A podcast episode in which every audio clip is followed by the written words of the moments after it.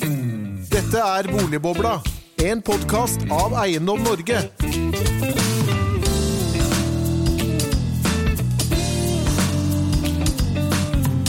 Fra digitalisering så skal vi nå snakke om et av de Altså, vi skal, vi skal snakke om noe av det mest populære å snakke om om dagen, nemlig det grønne skiftet. Eh, Men vi skal forsøke å være litt konkrete her. Og jeg står her med eh, boligutvikler eh, Mattis Grimstad. Du er leder for Stor-Oslo Eiendom. Ja. Og grønn boligutvikler. Eh, Men jeg bare lyst til å spørre deg først, fordi at eh, Oslo har jo sagt at de skal bygge boligen fra innsiden og ut, hvis jeg har forstått det riktig. Utvikle byen fra innsiden og ut, ja. Nettopp. Mm. Og eh, Men så er vel realiteten at det er vel Kolbotn og Jessheim og sånn som egentlig tar jobben for Oslo når det gjelder boligutvikling, er det ikke det? Ja, til en viss grad så er det riktig. eh, For vi ser at det er en veld, veldig stor vekst i de kommunene som ligger rundt Oslo. Så, så den, den politikken med å bygge innenfra og ut, den gagner jo også de. Men de kommunene har klart å handle litt raskere. Så de har jo vært flinkere til å tilrettelegge for eh, utviklere sånn som oss, at vi kan komme inn i markedet og utvikle prosjekter i de kommunene. Så, så de er litt flinkere enn Oslo kommune, ja. For, for i Oslo så det er en uttalt vilje eller det er et uttalt mål at man skal eh, øke boligmassen i Oslo. Ja. Men det Og altså, politikerne vil det. Plan og bygg har vel fått den beskjeden. Mm. Eh, men hvorfor skjer det ikke noe? Hvor, hvor er det stopper opp? Jeg, jeg tror, jeg Det tror skjønner også, ikke Nei, det, det, jeg tror man må erkjenne også at det er en vanskelig oppgave å fortette i en by som allerede er bygget. Så det er noe av problemet ligger der. Når du går da i, i, liksom i, i randsonen rundt Oslo, så har man eh, via offentlige midler laget god infrastruktur. Du har Follobanen, vi holder på å bygge Fornebubanen osv. Så, videre. så du kobler disse, disse områdene rundt tettere på den sentrale byen i Oslo. Eh, Men eh, da vil du også bygge en, en ny by i områder hvor det ikke er bygget noe før, f.eks. på Fornebu. Eller eh, langs rundt i Ski, hvor det da primært er liksom parkeringsplasser og åpne, åpne, åpne landskap. Ja. Da er det mye lettere å gå inn og bygge en ny by enn å bygge en ny by midt på Majorstad, eller i Grefsenåsen eller på Smestad, hvor du har hatt kjempedebatter. Så, Ja, men, men, men det betyr jo at eh, det, det, det er bare viljen. Det er ikke egentlig noe Det blir ikke noe ordentlig realitet av det, da. Jo, det, det, det kommer nok etter hvert. Ja, men, men andre- hvor, andre hvor, jeg skjønner ikke hvor er det stopper opp. Vi, vi, politikerne sier vi skal gjøre det. eh, Plan og bygg har fått beskjeden. Mm. Hvorfor går det så tregt?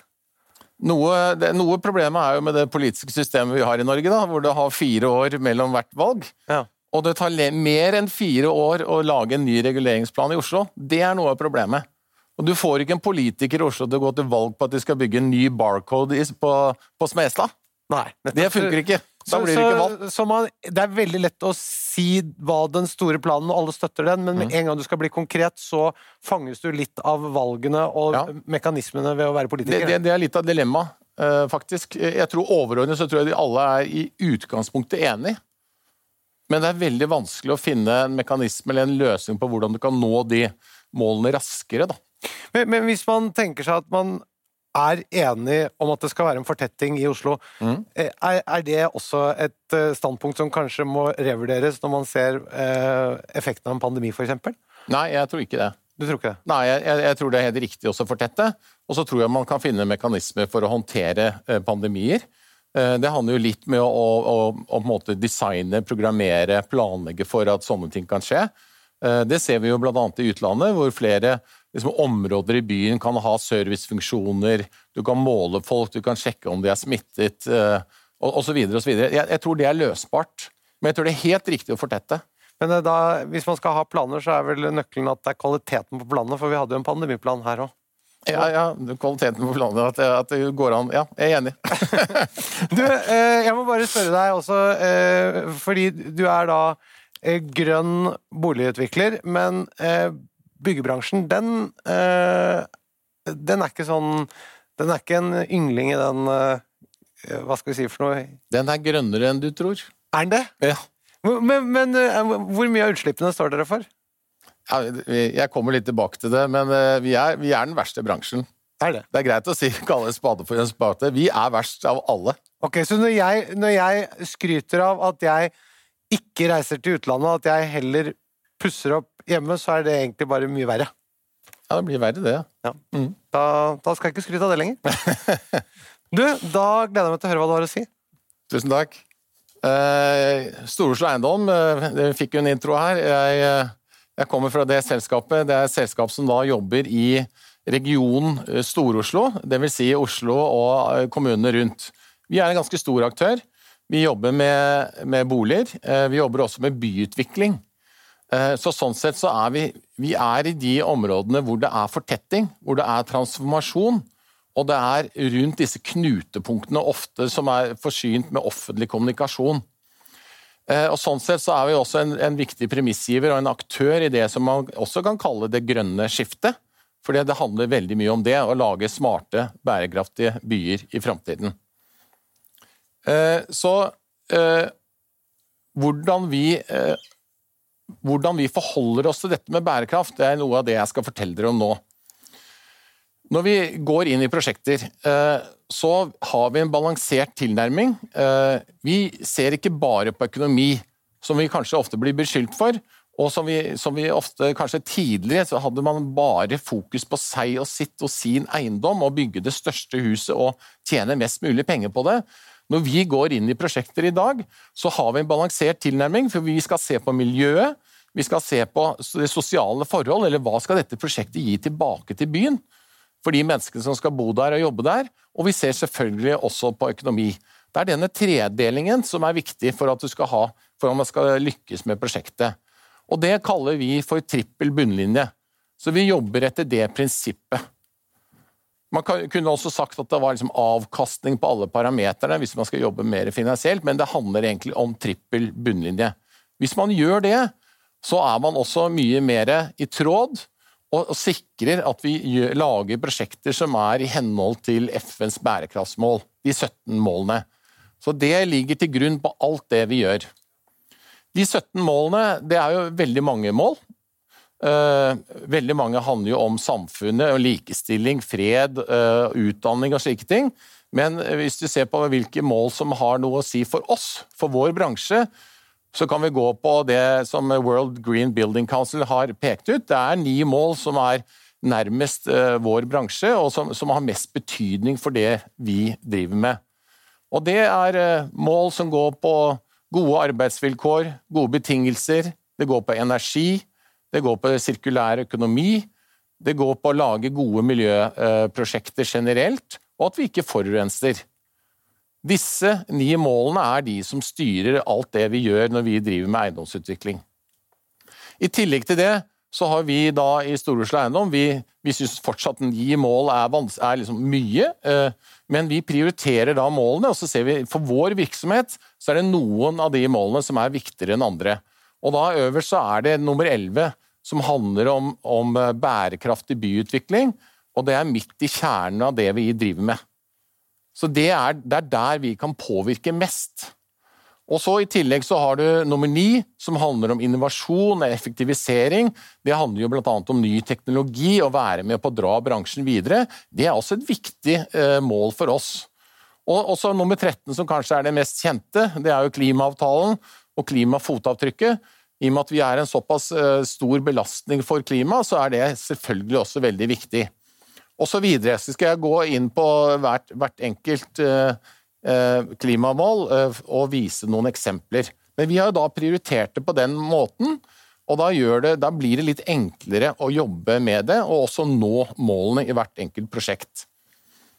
Så hvis vi går på nummer 17 Det har vært nevnt flere ganger i dag på konferansen. Man snakker om offentlig-privat samarbeid. Eh, Det gjør vi også. Eh, Vi hørte Linda Helleland her som snakket nettopp om det i forhold til digitalisering og teknologi, og vi, vi tenker det samme. Skal vi klare å nå målene, så må vi samarbeide med det offentlige. Det kan ikke være slik at det er offentlige som setter premissene og reglene, og så dilter vi etter. Tvert imot. Vi må være med på lik linje, og vi må sette, også være helt i front å sette føringen. Så Et godt eksempel på det er jo hvis du går til Oslo, så ser du at vi har den eh, rød-grønne eh, styret byrådet som vi har i Oslo kommune. De har jo satt dette helt, helt høyest opp på agendaen. Eh, dette bildet her er jo litt morsomt. altså Det blir jo ikke grønnere enn dette her. Eh, her sitter de og snakker om eh, Oslo, som ble da miljøhovedstad i 2019, og viser virkelig hvilken ambisjon Oslo kommune har. De skal være best i bransjen, de skal være best i Norge, og de skal være best i verden når det gjelder dette. Og det er jo rammevilkårene våre, våre. Når vi som privat aktør jobber i dette markedet her, i denne byen, så må vi forholde oss til dette. Og vi kunne valgt å, å på en måte være motstandere eller syte og klage, men det gjør vi ikke. Tvert imot. Vi omfavner dette, vi. Fordi vi har det samme målet, vi òg. Vi er også beboere i denne byen. Og vi ønsker også å bo i en ren og en god by, og en bærekraftig by. Vi har det samme målet, og det er viktig å få med seg. Så dette med samarbeid kommer jeg litt tilbake til. Hvis vi går da på nummer 13, eh, som er eh, klima eh, det snakkes om i alle sammenhenger nå, i de fleste bransjer. Vi har klimaavtalen, Parisavtalen. Det, det, hvor ille vi er Det beste måten å gjøre det, å vise hvor det, ille det er, det er å lage et eksempel. Så hvis du da ser på flyindustrien, som de aller fleste har et forhold til, og det har vært snakket enormt mye om, spesielt blant de unge og disse demonstrasjonene som skjedde med, i de siste årene så snakker man bl.a. om flyskam, og at man ikke skal ut og fly. Den bransjen står for 2% av klimagassutslippet i verden.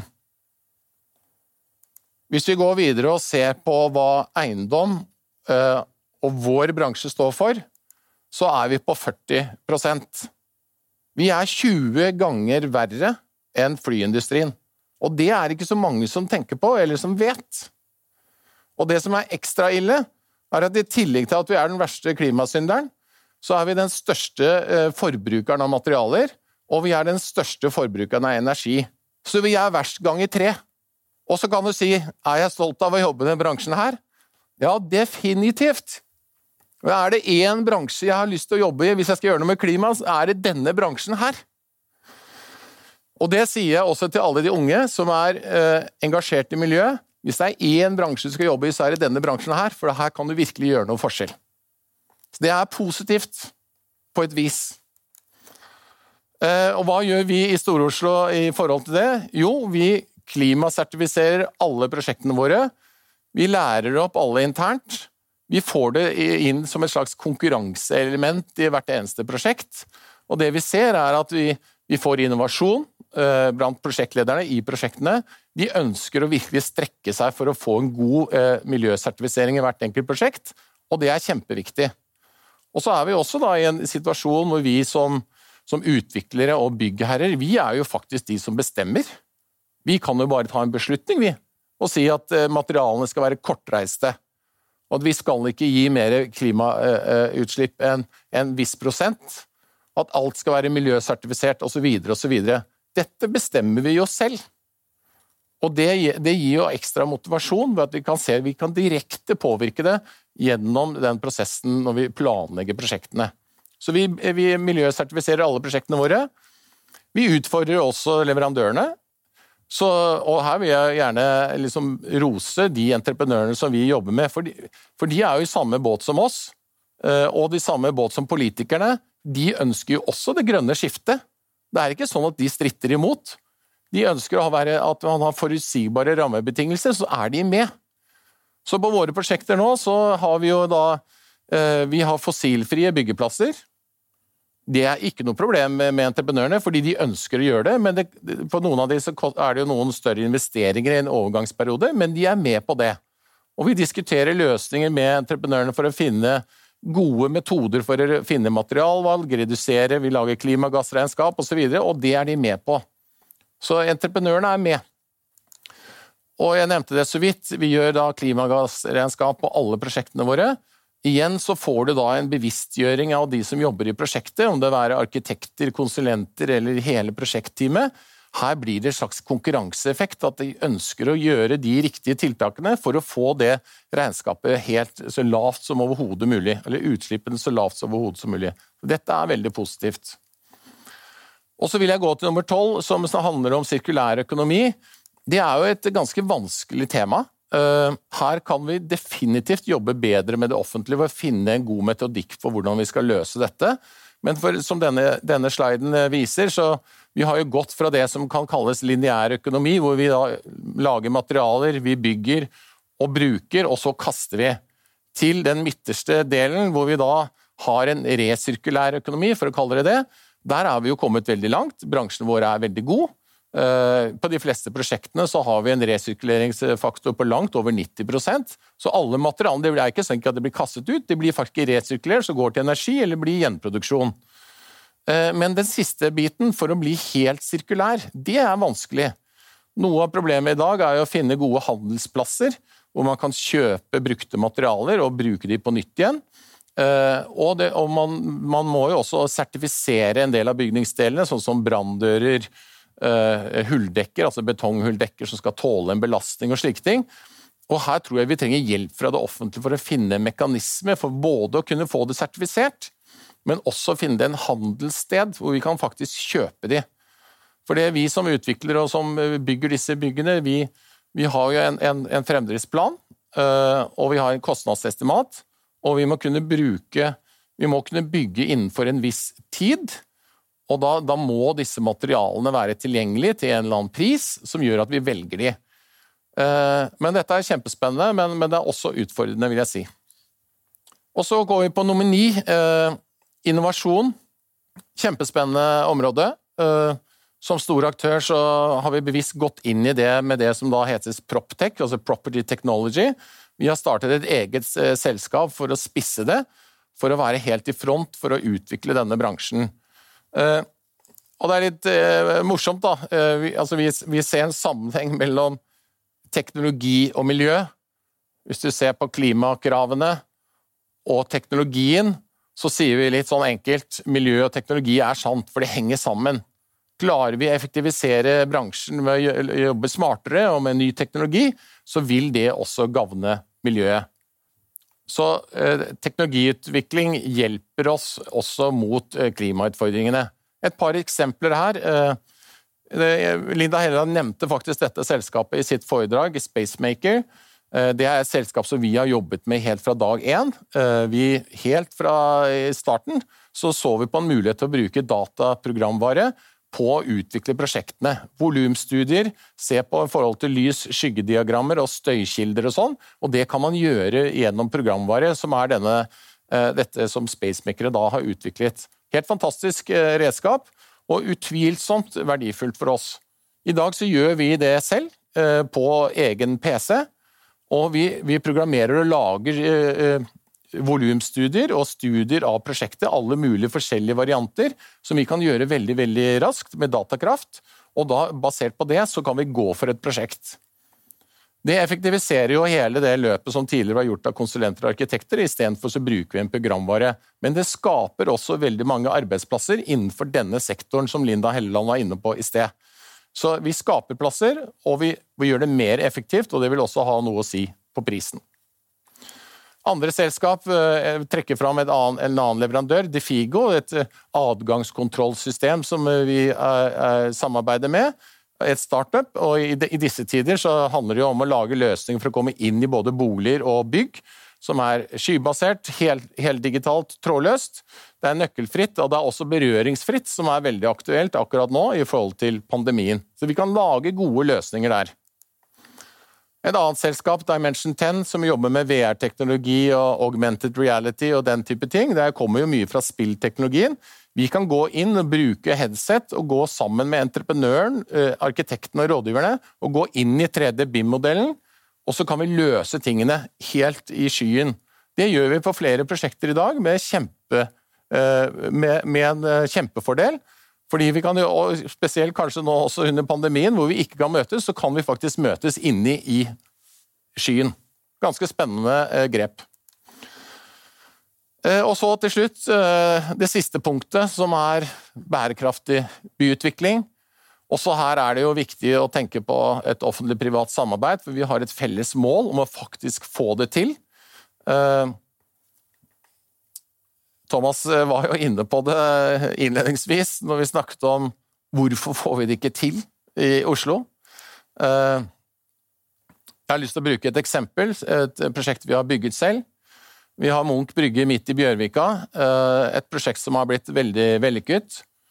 Men det er ikke enkelt å bygge der. Eh, vi har tilnærmet oss det på samme måte som jeg, som jeg sa innledningsvis. Vi gikk inn i prosjektet med en balansert tilnærming. Det skulle være bra for miljøet. Det skulle være bra for området og for området rundt, og for de som skal bo der og jobbe der.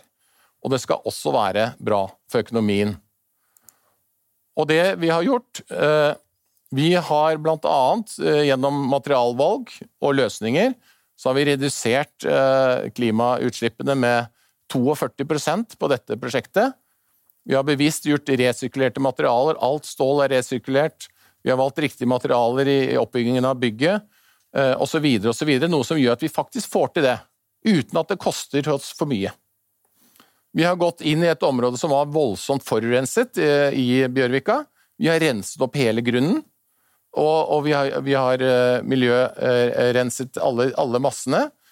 Uh, og vi har i tillegg til selve produksjonen så har vi 79, 97% sortering av alt avfallet fra byggeriet. I tillegg så har jo da prosjektet også gitt noe tilbake til byen. Vi har betalt 82 millioner kroner i infrastrukturbidrag, som er med på å bygge promenadene rundt, og som lager de bygulvene og de offentlige plassene som er rundt bygget. Det er viktig. Og så har vi gjort eh, mye bra for beboerne som skal være der. Vi lager felles eh, møteplasser, både innvendig i interne hager, men også på takene. Det er også med på å lage kvalitet, at folk faktisk vil bo der. Så det er, det er eh, et godt eksempel. Og det som er ekstra moro, er at vi da også vant Oslo bys arkitekturpris i 2020. Og det, for oss som er utviklere, så er det på en måte kronen på verket. Vi er umåtelig stolte av det. Eh, at vi klarer å få til det. Så, det er bra. Og til slutt, uh, igjen Litt i kjernen av det uh, Thomas spør om. Hvis man skal utvikle byen, og da kanskje Bjørvika er et godt eksempel på det, er, jeg tror ikke det er noe annet sted i byen som har vært så utskjelt som det stedet. Med høyhusdiskusjonen, med barcode, med fargevalg, med at det er utrivelig, at det er kaldt, at det ikke er hyggelig å være der. Også til det det er i dag, er i ferd med å bli, så er det jo plutselig snudd rundt at arkitektene elsker det, byen liker det, det er et yrende liv. Det er et område som er på mange måter symbolet på det nye Norge. Det er Barcode, det er backdropet på Dagsrevyen. Så det er, det er, definitivt en suksess. Men det er ikke gjort av seg selv. Og litt sånn uh, enkelt sagt, da uh, Du har i den norske måte, kulturen og, og det demokratiet vi har, med enormt mye involvering og engasjement, så 'not in my backyard' er et begrep som virkelig fester seg. Fordi det er alltid voldsomt mye motstand, og Facebook-aksjoner, og folk går i tog. Men hvis man ser helheten, og vi kan jobbe sammen om å se at det faktisk er god byutvikling, så må vi kunne snu det til å bli 'yes in my backyard'. Det må være målet. Hvis vi får til det, så tror jeg vi også kan få til veldig mye bra, også i Oslo kommune. Det var det jeg hadde tenkt å si eh, om bærekraftig utvikling. Det er, det er sånn vi jobber i Stor-Oslo Eiendom. Hvis noen eh, vil høre mer om det, så er det bare å ta kontakt. Jeg deler alt. Takk for meg.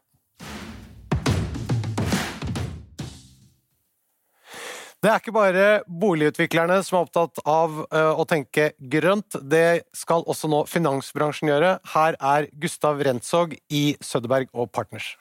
Ja, mitt navn er Gustav Rentzog og jeg skal berette litt om Söderberg Partners eh, holdbarhetsresa som vi har gjort og hva vi holder på med for noe. Just nu. Söderberg Partners är ett bolag som jag var med och startade 2004 och vi har alltsedan dess haft stark tillväxt där vi är den största försäkringsmäklaren i Norden men vi är också faktiskt på stark frammarsch i Holland. Vi är utöver det också en stark aktör inom det man brukar kalla för private banking där vi finns i Danmark, Sverige och i Norge. Vi växer väldigt snabbt just nu i Norge och är den största utanför storbankerna i Sverige. Vi är ju drygt 2700 personer och det har hela tiden kommit till nya länder och nya individer. Jag tänkte idag berätta lite kort om varför just hållbarhet ligger oss så varmt om hjärtat vad vi fyller för funktion. Vi har ju byggt upp Söderberg Partners kring tre huvudledord. Ett är transparens. Vi tror att transparens i alla dess former tillför och hjälper beslutsfattare att fatta adekvata beslut och göra saker robusta och hållbara. Vi tror på analys, det vill säga att det är inte någon slump att saker är som de är. Lägger man omsorg och verkligen går igenom saker så finns det stora skillnader mellan leverantörer, produkter och valsituationer. Och sist men inte minst så tror vi på det personliga på många sätt. Inte minst att individer och företagsbehov är väldigt olika. Eh, och det kommer jag till och gäller också hållbarhetsområdet. Vi är väldigt mycket mer olika än man tror. Och jag tror att vår framgång har varit mycket att kanalisera kraften till de här tre ledorden och verkligen göra allt vi kan för att bli bäst på att leva upp till det här. Och tar man just hållbarhet så är det ett område som kom, det var inte med från början utan i takt med att tiderna förändras så ville vi vara en drivande kraft i det här. Och vi började egentligen 2014 satsa betydligt mer omfattande på analyser inom området. Eh, vår roll är ju lite grann att vara mittemellan konsumenten och produktleverantören och försöka guida konsumenten till rätt lösning. Eh, vi kände att vi började få frågor om det här men framförallt så såg vi att det här kommer att bli en stor efterfrågan på att få hjälp att välja rätt. För det är ändå så att individerna har ju en enorm kraft och med exempelvis sitt pensionskapital. Det kan göra en stor skillnad hur de investerar det. Och då finns det en dimension här där vi måste vara skickliga på att tala om vem är bra och inte. Vi drog igång det 2014, byggde vidare på det inom alla de produktområden vi är. Det är allt inom sakförsäkring, livförsäkring, fonder där vi har naturlig kontaktyta med industrin så att säga, där vi kan lotsa på det här sättet. Men åren gick och eh, man kan ju inte slå sig för bröstet och säga man är kanon på hållbarhet om man samtidigt själv åker runt i V8-motorer och släpper ut avgaser och flyger. Det blir inte hållbart i sig själv. Så vi har också börjat med en intern resa där vi har sagt att vi ska bli riktigt duktiga på att leva som vi lär för annars tycker vi vi faller lite platt. Så det har vi också börjat att förstärka, vilket jag kommer att berätta mer om. Eh, och sen handlar det om att bygga ut det här. Men ytterst så har vi en unik situation. Många företag kan göra mycket själva hur de lever och lär. Men i vårt fall kan vi påverka så mycket mer genom att hjälpa kunderna kanalisera sin makt. Och då pratar jag kapitalmakten eh, de sitter över. I vårt fall så har våra kunder mer än tusen miljarder som de, eh, vi representerar och hjälper dem med exempelvis att investera. Klart som tusen att det kan göra en enorm skillnad. Men låt oss börja med vår interna resa. För den är ju viktigt att leva som vi lär. Vi har gjort några saker så, som sticker ut lite grann. Eh, en är att i, jobbar man på Söderberg Partners, då klimatkompenserar vi centralt för de utsläppen. Vi har tittat på schablonutsläpp och sen har vi faktiskt dubblat med två för vi misstänker att vi kan ligga lite övre skalan av våra anställda. Det finns risk för det i alla fall. Eh, som nuläget är. Vi ska göra en resa bort från det. Eh, och då har vi bestämt oss för att klimatkompensera det här. I början så gjordes det genom ett traditionellt sätt där det kanske lades ner något kolkraftverk i Indien eller liknande. Nu har vi gått längre och vill att allt är carbon capture. Att det här är saker som faktiskt plockas ur luften och, och, och försvinner så att vi är säkra på att vi inte bidrar till utsläpp. Eh, vi har også innført noe som heter holdbarhetsveckan, når personalen kommer få tid å jobbe med denne typen av frågor inom hele koncernen. Vi har også gjort diverse eh, ISO-certifieringar och annat. Men vi tror også på leda med att sätta tydliga mål. Och I vårt fall så har vi delat upp det på fem huvudområden där vi jobbar. Den första är just det med analyser. Vi ska se till att vi har analyser som täcker alla produkter och tjänster som vi arbetar med för våra kunders räkning. Så vi har en möjlighet att kunna peka på det här är några som ligger i framkant, de här är lite sådär, det här är inte så bra alls. Och det har vi satt olika mål på hur stor procent av alla våra produkter och vilka analysverktyg vi bygger in i verksamheten så det finns också. Och det följer vi år för år. Sen det andra eh, vi jobbar väldigt hårt med, det är faktiskt dialoger. Vi måste kommunicera med de här produktbolagen hur de ligger till. Ska det göra någon skillnad så att bara sätta upp ett trafikljus är en sak. Men det bästa är ju i dialogen när vi kan faktiskt våra sparares vägnar få fram våra poänger och de ändrar sig. Jag kommer till det sen. Det är faktiskt vad vi ser idag. Sen handlar det om utbildning on mass, skulle jag säga. Det är en utbildning att vi själva är kunniga i det här området. Det är en kritisk förutsättning. Vi har till och med årliga kunskapsprov när vi testar personalen, att de kan de här sakerna och lever upp till det som vi sätter mål på. Hur höga betyg så att säga personalen ska ha. Men vi mäter också hur väl vi når fram hos våra kunder med våra budskap och hur väl de förstår vad de kan göra inom den här miljön. Så att utbildning både internt och externt och det här hänger naturligtvis ihop. Det sätter vi tydliga scores på. Sen handlar det om såna här självklara saker som vad vi konsumerar i papper papper, vilken el vi använder, använder grön el och såna här saker. Och sist men inte minst resor har varit en stor sak för oss. Vi har många som reser hos oss och vi har därför satt upp tydliga mål under åren där vi försöker konvertera mer till digitala möten, mer tågresor och man kan ju lugnt säga att det här blev grönt förra året. Inte bara för våra ansträngningar utan såklart har ju corona påverkat det så vi slog rakt igenom på alla våra mål vad gäller det här blev supergröna. Men det är någonting vi strävar efter. Så systematiken har för oss varit viktig, att vi hela tiden sätter upp det här och följer det.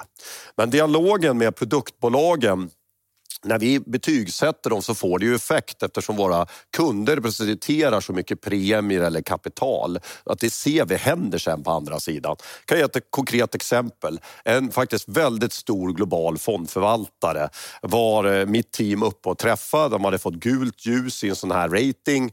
De var inte alls glada och vi gick igenom varför och i det här fallet fanns det specifikt att de var fullständigt underbemannade. De hade ambitioner men de hade alldeles för få människor för det skulle vara trovärdigt att de hinner med det här. Det dröjde inte så länge så kontaktade den här eh, globala fondförvaltaren och anställde upp ganska mycket personal inom just hållbarhet för att hinna med. De hade köpt våra argument och idag ligger de i framkant. Det här är ett exempel. Så den här typen av dialog tror vi, vi fyller en extremt viktig position i. Därför gör vi olika ratingar som innehåller just det här tycker vi lever upp till väldigt god standard, gult mittemellan och rött inte bra. Vi får starka reaktioner i normala fall kanske vi inte skulle jobba så publikt med det här utan mest för våra kunder. Men vi gör det lite mer publikt kanske i normala fall just för att vi märker att det får sån effekt att folk går mot grönt och det ligger i våra kunders intresse i alla fall för de produktbolagen som vill säga att de är hållbarhet. Sen finns det några som säger att det inte vår grej. Fine, det är inte dem det här handlar om. Det handlar om de kunder som vill investera i hållbart, ska veta att de gör det. Sen har vi utvecklat med tiden, en, det började ju egentligen längre här med hållbarhet, att man skulle välja bort saker, om ni kommer ihåg de här etiska fonder och sånt. Välj bort att investera i vapen, välj bort att investera i saker som släpper ut koldioxid eller vad det kan vara, spelbolag och allt möjligt som man kan tycka inte är klassificeras som hållbarhet. Men vi tror faktiskt, så här är en fundamental sak, vi tror som kunder som vill välja bort hjälper vi med det fortfarande såklart, det finns sådana kunder. Men vi tror på tvärtom. Vi tror att det är riktigt farligt att lämna bolag som kanske drivs inom ett område som har sina tveksamheter men som ändå finns kvar. För även om en investerare väljer bort så finns det gott om investerare som ändå ser kanske chanser och möjligheter att vara i ett bolag. Bolaget försvinner inte. Och lek med tanken när det ser ut ett styrelserum om ingen i den styrelsen bryr sig om at det här bolaget ska bli bättre, ta ett spelföretag. Det är ingen som bryr sig om, det, om man har många spelberoende eller vad det kan vara.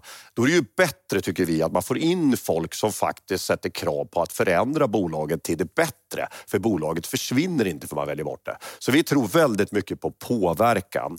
Eh, och vi har till och med tagit fasta på ett annat område. Det är vad är hållbarhet? För om ni funderar över det, hållbarhet kan ju vara nästan vad som helst. Och nästa nivå menar vi, det är faktiskt att hjälpa investeraren att eh, göra det här utifrån ett personligt aspekt. Vad, vad vill jag, jag se efter förutom avkastning och risk om det är hållbarhet? Vilket område vill jag använda min kapitalmakt i som det handlar om? Och när vi har gjort eh, undersökningar så vad vi ser är att det dyker upp massor av saker på radarn men är människor är olika. Eh, en sak som dök upp som kanske förvånande när vi gjorde det här i Sverige bland de som investerar i hållbarhetsprodukter var att de brinner väldigt mycket för att företagen ska betala skatt i Sverige, inte skatteplanera. De brinner för att de gärna bevara jobb. Det här ligger kanske inte alltid i det man hör när man hör talas om hållbarhet, i det man först tänker det. Men självklart fanns också det här med eh, koldioxid, att begränsa det och överst låg barnarbete, att begränsa det. Därför har vi en produkt där spararna i den talar om vad man ska fokusera på. Så inte vi som sitter och säger nu tycker vi det här är viktigt utan vi ber spararna. Och därifrån kommer det här datat ni ser och när vi fick signalen om barnarbete agerade vi på det direkt. Och eh, vår tro är ju påverkan vilket innebär att eh, den fonden köpte då in aktier i, i bolag där man sen började utöva påverkan. Så i två fall som jag kan nämna, eh, eller ett fall som jag kan nämna, i Bergman och Beving startade ett samarbete om att man faktiskt skulle gå igenom alla leverantörer och leva upp till, till den bästa tänkbara standarden. Det gjorde samarbete med Rädda Barnen just kring den frågan hos dem som har landat väl. Så det är ett exempel just på att använda påverkan och sen hjälp gå från spararna vad de tycker att hållbarhet ska innefatta. Så det här tror vi på att kanalisera på det här sättet. Men det här med hållbarhet handlar mycket också om att få tag på data. Eh, det är ju inte bara dialog utan veta allt om de här bolagen. Och det som kommer nu i EU-taxonomin som kommer som sätter väldigt mycket nya regler. Eh, men det finns även andra. Eh, och det är inte helt lätt om man bedriver har en stor fondportfölj eller en stor portfölj av aktier som placerar och hålla reda på allt det här. Vi har kämpat med det och sagt hur ska vi göra och hantera det här. Dessutom är ju EUs krav är faktiskt att de som förvaltar kapital ska redan i år bilda sin uppfattning om det här medan eh, det kommer för bolagen nästa år. Det gör ett da datagap här där man inte så enkelt kan få tag på det här datat för det finns inte fast man är skyldig att ha koll på det. Vi gick och funderade på det. Sen av en slump eh, så träffade vi två entreprenörer. Eh, en kom från Spotify, en IT-utvecklare, var ansvarig för mycket där och en annan eh, kom från EQT, en gammal entreprenör. De hade kommit på att det här måste vara ett jättebehov att bygga datasystem som hjälper en att klara av de här frågorna. Så då kan man ladda upp sin portfölj, sen kan man få se hur genomlysningen ser ut mot EU-taxonomin, hur väl ligger den i linje? Och det man upptäcker idag när man laddar upp det är att det är väldigt mycket man inte vet. Då finns det också ett avancerat system där man kan kontakta bolaget och be dem fylla i en enkät så att man får det här datat. Eh, och då, det är en extremt datadriven approach. Men inte bara inom EU-taxonomin, det finns inom alla möjliga rankingar så man snabbt kan få en genomlysning. Det här tror vi är nödvändigt och det är inte helt lätt att få kontroll över all data så man kan driva sitt hållbarhet ännu effektivare. Och eftersom det här är ett litet fristående bolag där vi är både kund och lite investerare så passar jag på att göra reklam för alla ni som eh, förvaltar kapital och har behov av att lösa det här nu. Boka en fri demo så kan ni få hjälp så fick jag det, möjligheten till den här pitchen nu. Men om jag ska summera Söderberg Partners och hållbarhet. Det första skulle jag säga handlar om att hållbarhet är individuellt. Det är inte samma sak för oss alla vad det är. Och därför gäller det att var och en bildar sin uppfattning. Och jag brukar likna det vid ungefär att man har avkastning och risk som alla eh, tar hänsyn till vid förvaltning av pengar. Sen har man, har man mjuka frågor kan det vara, för de är absolut hårda. Där man har olika indelningar, vad vill man driva med sina pengar? Och det här finns så mycket olika sätt att faktiskt använda den makten. Tänker vi på det idag så är det ju så att den största makten är den enskilda pensionsspararen är mycket starkare än någon enskild rik person person. Man har en enorm möjlighet att påverka det här. Jag brukar säga att det är faktiskt större möjlighet att påverka med sina pensionspengar än vad det är med sin röstsedel. För det här är direkt power på ett annat sätt än röstsedeln. Nummer två så tror vi oss på påverkan och inte det här välj bort allt som inte är det, det jag gillar. Och det enkla skälet att det försvinner inte. Tvärtom kan det fyllas med fel ägare och det är mycket värre än om man får in rätt ägare i verksamheter som behöver styras upp. Trean är att data aldrig varit viktigare. Vi har eh, det här med EU-taxonomin, vi har andra och verkligen få grepp om det datat. Det, är kritiskt för att kunna bedriva aktiv hållbarhet. Men även när det kommer till Söderberg Partners, att mäta, sätta mål för den egna verksamhet man vill göra. Det är som allt annat, det är som vilket affärsmål som helst. Sätt mål, kvantifiera dem, följ upp och uppmuntra personal och andra att driva det här åt rätt håll. Det tror vi är extremt viktigt. Och Survey Partners har en unik position varför det är extra viktigt att det inte bara oss själva det handlar om. Det handlar om att vi kan just hjälpa till att kanalisera våra kunder eh, och deras kapital till det som gör skillnad och därför fyller vi en extremt viktig roll som matchmaker. Så det var kort om Survey Partners och lite mer om hållbarhet. Tack för mig!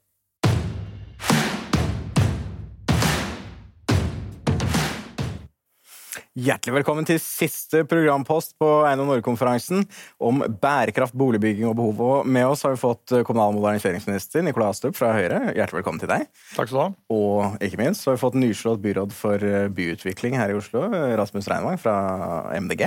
Hjertelig velkommen til deg. Eiendom Norges viktigste sak det er jo boligbygging i takt med behov. Eller ikke bare viktigste, men en av de viktigste. Det er mange viktige saker. Nikolai Astrup, jeg må begynne med deg. Du er jo ikke bare boligminister i gåsetegn som kommunalminister, men du har også ansvar for bærekraftsmålene. Hvis vi skal klare å nå Det må bygges om lag 300 000 boliger i Norge dette tiåret. 30 000 boliger i året cirka, hvis vi skal nå det demografiske behovet i Norge. Hvordan skal vi klare å bygge dette på en bærekraftig måte? Og samtidig nå nullvekstmålene for personen. Det er jo mange mål, som vi hørte her altså tidligere fra Mathias Grimstad også, som skal nås samtidig. Ni mål, sa han. Hvordan skal vi gjøre dette? Ja, det er egentlig mer enn ni mål, det er 17 mål, og alle henger sammen.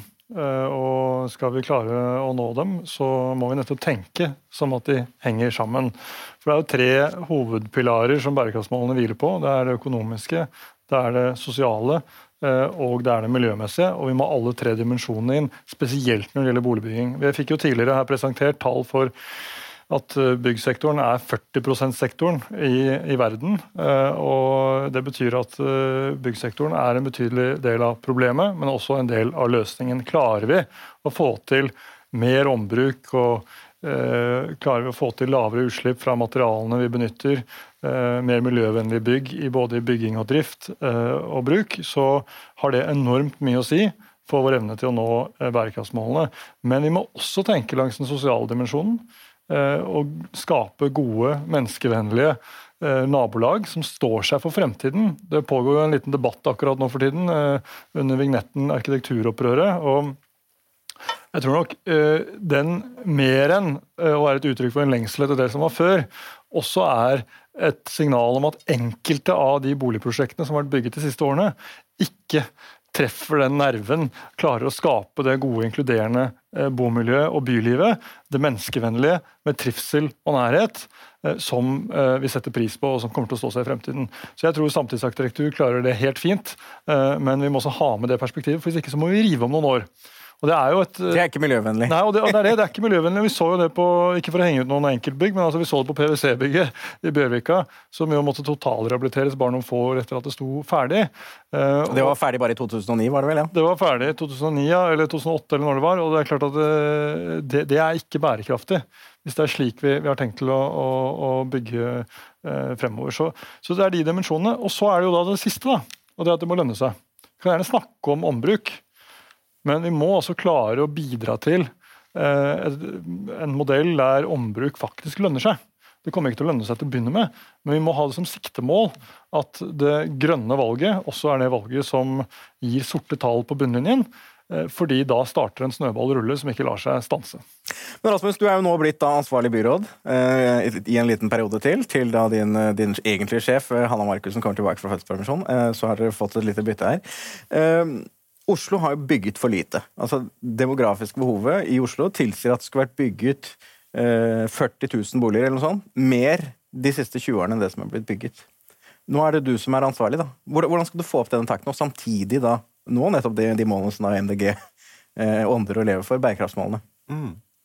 Nei, Jeg sier aller først på bærekraft at jeg er veldig enig med, med ministeren, og at det er kjempeviktig. Og jeg tror, bare for å si på det, at den, den ATP-en vi har for Oslo og omegn, som vi legger opp til en knutepunktfortetting basert på kollektivtransport, det er jo nøkkelgrepet for en riktig klimavennlig arealbruk Og Der trenger vi investeringer i kollektiv, gjerne enda mer bidrag fra staten. Og vi trenger også faktisk å strupe inn på eh, store motorveier, som egentlig hakker opp byen vår og gjør det veldig vanskelig å utvikle den i forhold til støy og miljø. Men jeg tenker at dette kan vi samarbeide godt om, og det er et viktig grunngrep. vil jeg bare nevne det. Og så inn på det du sier. Du har jo helt eh, rett i det, og jeg tror ikke det er noen som er uenig i at vi ønsker å legge til rette for eh, boligbygging.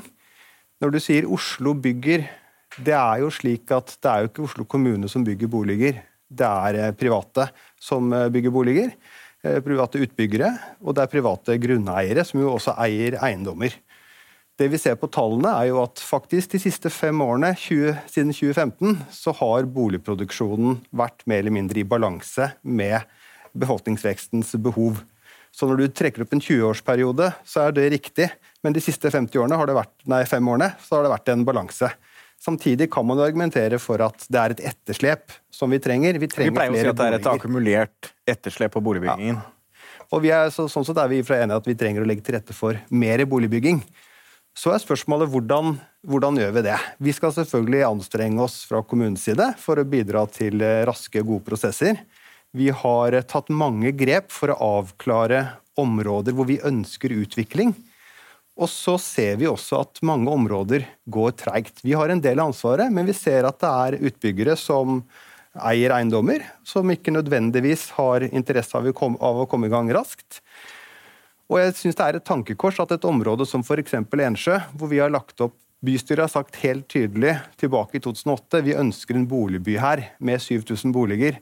Og nå, etter 12-13 år, så har vi kommet halvveis det tar for lang tid, syns jeg, i dag forløse dette. Altså, reguleringsplanene de, de kommer jo da, Bjørvika-planen den kom vel da i, i 2001, så vidt jeg husker. Og den er jo knapt, den er nesten ferdig realisert nå. Dette er jo the story i boligmarkedet. Det er jo det at dette tar jo 10-15-20 år å realisere disse typer områdeplanene.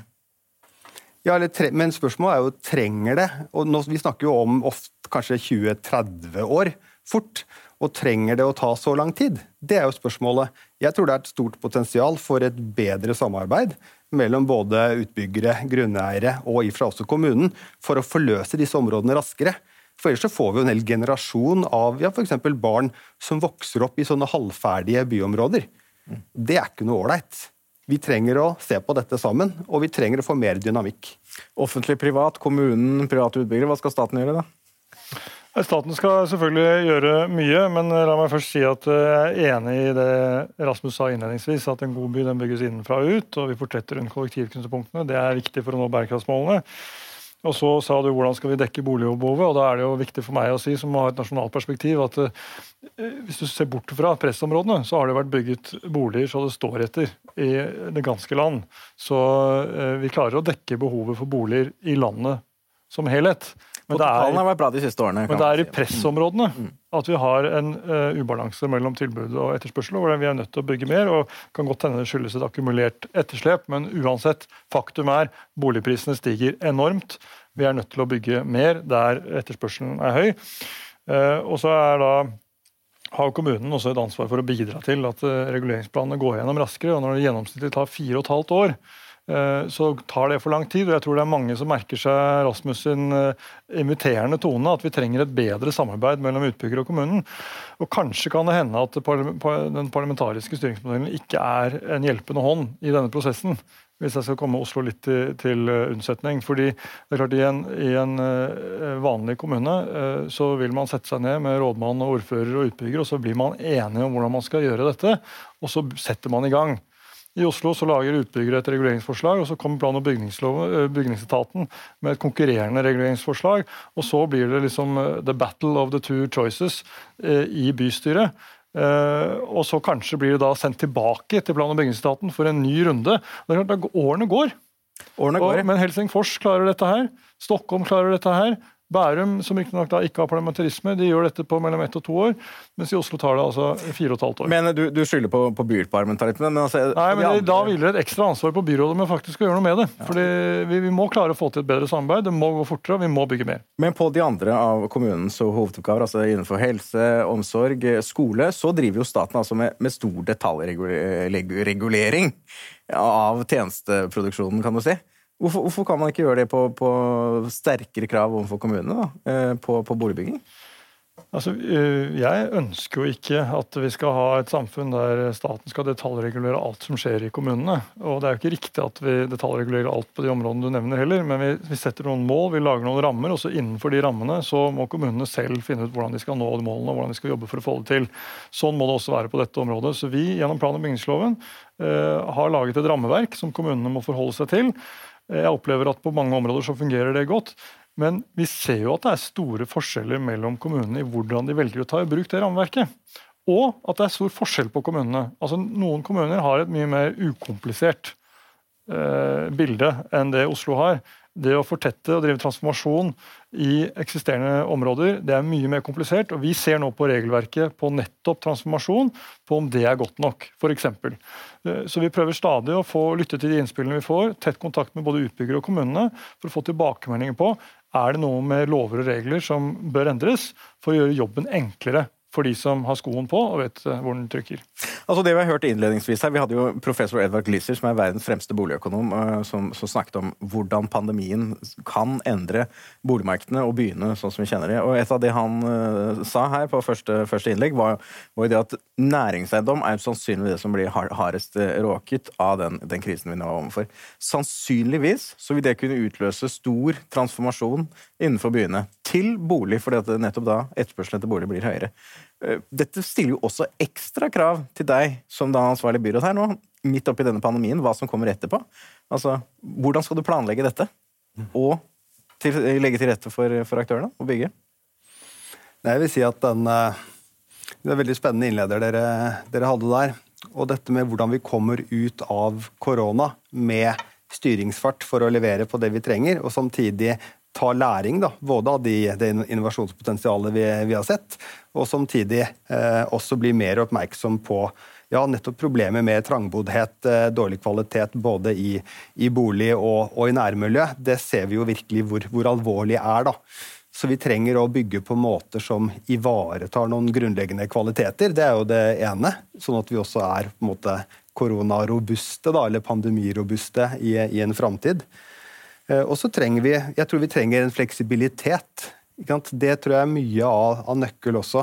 Jeg vet at eh, Direktoratet for byggkvalitet jobber, jobber jo med en sånn ombruksveileder. Hvordan kan vi ta både eksisterende eh, bygninger og materialer i bruk? Hvordan kan vi bygge på en måte sånn at kanskje man skal ha bolig, men kan konvertere til næring på et senere tidspunkt, alt etter hvordan trendene er. Vi må få bygget inn høy kvalitet, også fleksibilitet. Og vi trenger å rydde opp i litt regelverk. Vi har på, på ombruk, vi har på utbyggingsavtaler også. Der har vi en god dialog, Nikolai, setter jeg veldig pris på. For å få gode og trygge rammevilkår. For det opplever jeg. Jeg, jeg står jo for at vi trenger gode rammevilkår for å ivareta klima og miljø. Også sosiale hensyn. Og jeg opplever at utbyggere som får, vet hva de har å forholde seg til, de håndterer det. Og de er flinke, og de leverer. Og da må vi rydde opp som politikere for å legge det grunnlaget, da. Og da skal vi få det til. Det er vel min uh, korte melding. Men den situasjonen vi nå, vi nå har i, i boligmarkedet, og ikke bare i Oslo Vi ser, vi ser eh, prisene her med kjølvannet av rentenedsettelsen, men også økt etterspørsel av bolig. Så er boligprisene nå i Norge de er på 12,5% opp siste år. I Oslo eh, over 15 I randsonen rundt opp mot 15 Det er veldig sterk boligprisvekst. jeg har ikke sett det siden 2016. Det som skjedde da, var jo nettopp det Nikolai her viste til, det var at boligbyggingen kom, tok seg veldig opp fordi det selges veldig mye nye, nye boliger. Sannsynligvis er det som kommer til å skje nå, det er jo det, det samme. Eh, og det skjer jo, Boligbyggerne melder jo det. Ekstremt godt salg. Samtidig sier de de har her i, i din kommune, da, i Oslo, så er det den reguleringsreserven 6000 eller noe sånt. Reelt, sier de da. Så er det litt uenighet om det. Men eh, la oss si det er tilfellet, så er ikke det mer enn to års boligproduksjon.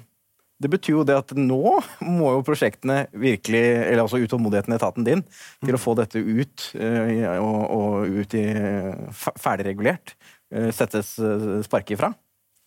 Nei, Jeg er på mange måter veldig enig, også, men samtidig er det også et eh, Vi ser jo nå at eh, du kan si inputen av planforslag er ganske lav akkurat nå. Og Det syns vi er veldig bekymrende, for det betyr jo at produksjonen om to-tre år sant, også da blir lav.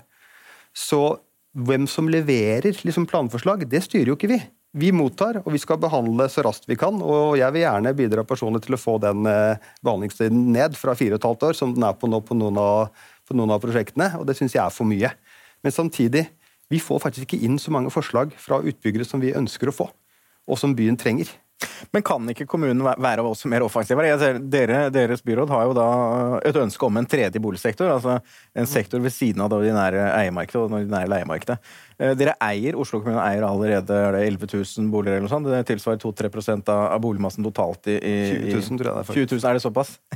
det er betydelig. Eh, kunne ikke dere, da, når dere da har ambisjoner om å etablere en sånn tredje boligsektor, være akselerator for nye boligområder? Ok, her setter vi, vi betaler, vi kjøper 100, 200, 300 altså boliger i de og de prosjektene, når det er det dere har ambisjoner om? Jeg syns det er et uh, offensivt innspill som jeg er ganske positiv til. Det, det som er jo noe av problemet her er selvfølgelig økonomi. Det, det, koster penger å kjøpe seg opp eh, i å kjøpe boligtomter. Men jeg kan jo nevne at vi har et eh, Den ene tomta vi eier som er ganske sentral og spennende, det er jo Økern torg. Og der har vi jo et eh, reguleringsforslag på gang for opptil 1000 boliger. Og vi er også opptatt av at vi skal bruke eksempelet til å gjennomføre også tredje boligsektorprosjektet sjøl. Og jeg er helt enig med deg at i den grad vi kan gå inn i områder som er litt sånn umodne, med tidlige kommunale investeringer, det har vi gjort på Vollebekk f.eks. med skole og andre steder, vi ser at det utløser dynamikk i markedet. Men det er jo også markedet selv som må ta litt eh, ansvar for å bidra til å forløse områder, og ikke, ikke bli sittende, da, som noen utbyggere gjør. Og Det er jo helt rasjonelt ut fra økonomiske vurderinger, men samtidig kan være litt uheldig for byen. Så her trenger vi den dialogen, sånn at vi alle sammen lener oss fram for å få til dette her, og den skalaen som vi faktisk trenger. Så det er dialog vi trenger. Eh, Altså, en, en, av våre favorittforskere uh, pleier å sitere Mrieti, han har jo vist det at uh, svak respons på tilbudssiden det kan svekke faktisk den økonomiske utviklingen i landet. Det betyr jo det at boligbygging og tilstrekkelig bygging det er jo nasjonalt ansvar. Tar du det? Ja, Vi eh, prøver å legge til rette for uh, så mye boligbygging som vi kan. Uh, og sørge for å bl.a. Unnta enkle tiltak fra søknadsplikt for å frigjøre kapasitet hos de ulike plan- og bygningsmyndighetene rundt omkring i landet. Se på om det er for mange krav. Vi har fjernet en del av de for å gjøre det enklere og billigere å bygge. Samtidig må vi ivareta bærekraftsperspektivet, selvsagt, så det er en balanse der. Eh, og Plan- og bygningsloven som verktøy og ramme er jo noe som vi hele tiden evaluerer og øh, reviderer. Så, så, så, vi skal definitivt bidra med vårt. Men som sagt, det er noen særskilte utfordringer i pressområdene som også legger et spesielt ansvar på, på byene selv i hvordan de velger å løse det, og selvfølgelig utbyggerne, som, som er en viktig del av løsningen. Så tror ikke jeg nødvendigvis at en tredje boligsektor er svaret. Fordi det blir ikke noen flere boliger av det. Eh, og så er det litt avhengig av hvordan man definerer en tredje boligsektor. Men hvis det innebærer at man skal komme inn på eh, andre betingelser enn markedsmessige, og dermed ikke kunne omsette boligen i markedet, vel, så risikerer man å låse mennesker inne i eh, en tredje boligsektor, som da ikke får ta del i eh, verdistigningen som resten av samfunnet gjør. Og Hadde vi fulgt en sånn strategi som man har gjort i våre naboland, annet, eh, da vi fikk mange arbeidsinnvandrere, f.eks., så hadde de vært avskåret fra eh, å være med på en fantastisk boligprisreise som har gjort at vi har fått mye bedre integrering og alt annet like mindre ulikhet enn i våre naboland. Så det er skal du ha en tredje boligsektor, vel, så må du iallfall eh, ikke komme til erstatning for å bygge mer. Eh, fordi det må vi uansett. Og jeg har mer tro på leie-til-eie-modeller som kan bidra til at folk får en fot innenfor, selv om de ikke har all den egenkapitalen som Finanstilsynet til enhver tid mener man må ha.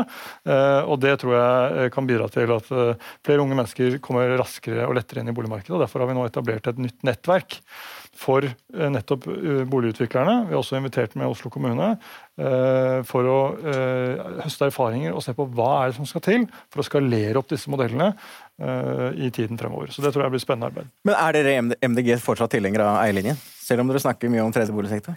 Ja, vi er det. Og den har jo veldig mange positive sider ved seg, som vi har sett. Både at man får trygge bomiljøer og langsiktige ivaretagelse av de bomiljøene, og at man får en velstandsreise. Og når vi har snakket om i byrådet tredje boligsektor, så snakker vi om at det er boliger som ikke omsettes på rent markedsmessige vilkår. Men det f.eks.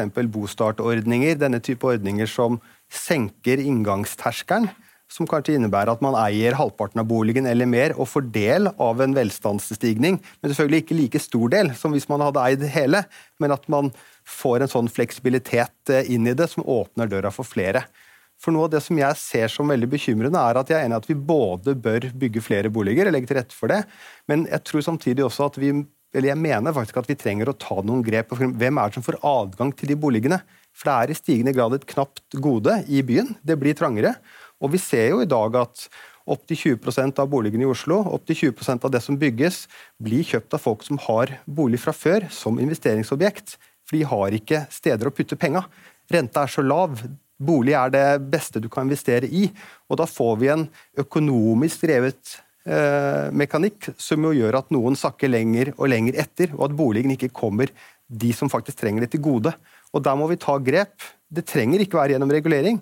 I den grad utbyggere, som Obos gjør med Bostart, som eh, Heimstaden også har begynt å se på med leie til eie, selv også tar, de, tar det ansvaret, så kan vi møte behovet. Jeg er opptatt av at vi ser det bildet. For vi kan ikke bygge boliger til, for å møte et investeringsbehov. Vi må bygge boliger for å møte et boligbehov, først og fremst. Og Det er vi helt enige i, og da er tiden ute. Vi må, vi må bygge nok, må bli konklusjonen. Ok, Henning. Da eh, begynner det å gå mot uh, slutten av uh, konferansen her. Eh, hva tenker du har vært, Hvis du skal si noen hovedpunkter som du syns har vært eh, viktigst å ta med seg av det som har blitt sagt her i dag? Nei, Det har jo vært veldig mange viktige temaer, men eh, jeg tror kanskje jeg ville trukket fram situasjonen på markedet etter korona. Altså Både boligmarkedet, men også arbeidsmarkedet. For det, det skaper jo veldig mange rammer for hvordan livene våre kommer til å se ut om en stund, når vi er ferdig med denne bølgen.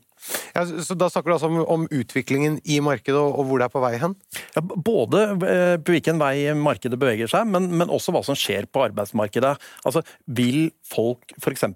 jobbe veldig mye hjemme, eller vil de komme tilbake til kontoret i stor grad? Det er klart Det har stor betydning for hvordan man lever livene sine, hvilken betydning boligen får, og, og også hvor man bor. Det syns jeg er veldig interessante spørsmål som, eh, som, har vært behandlet i dag.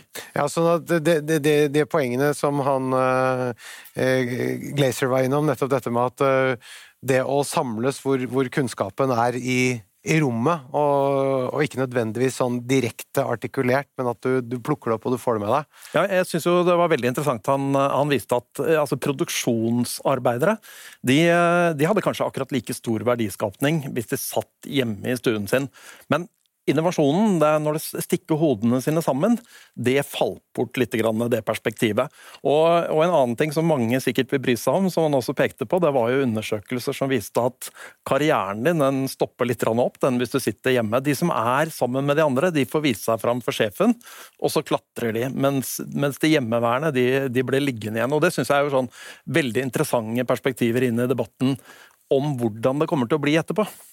Det, det kan jo også kanskje si noe om, om da verdien på eh, næringseiendom, som vi var inne på. Og det er vel kanskje heller ikke sånn at eh, de ansatte skal holde bedriften sin med kontorlokaler for seg selv?